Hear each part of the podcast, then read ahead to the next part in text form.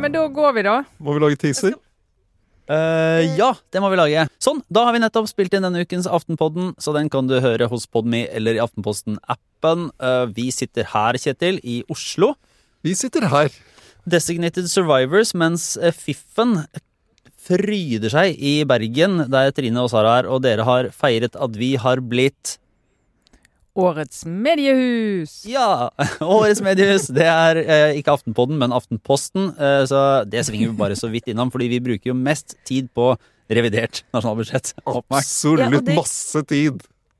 Ble det Men på en nok måte tid, som egentlig? at selv hvis man er litt trøtt, uh, f.eks. fordi man har vært sent oppe på kvelden på mediebar, eh, så vil jeg si tenkt eksempel. absolutt et hypotetisk og tenkt eksempel, så vil jeg si at den entusiasmen eh, som Kjetil og Lars eh, formidlet revidert eh, nasjonalbudsjett eh, med, eh, traff også oss her på andre siden av fjellet.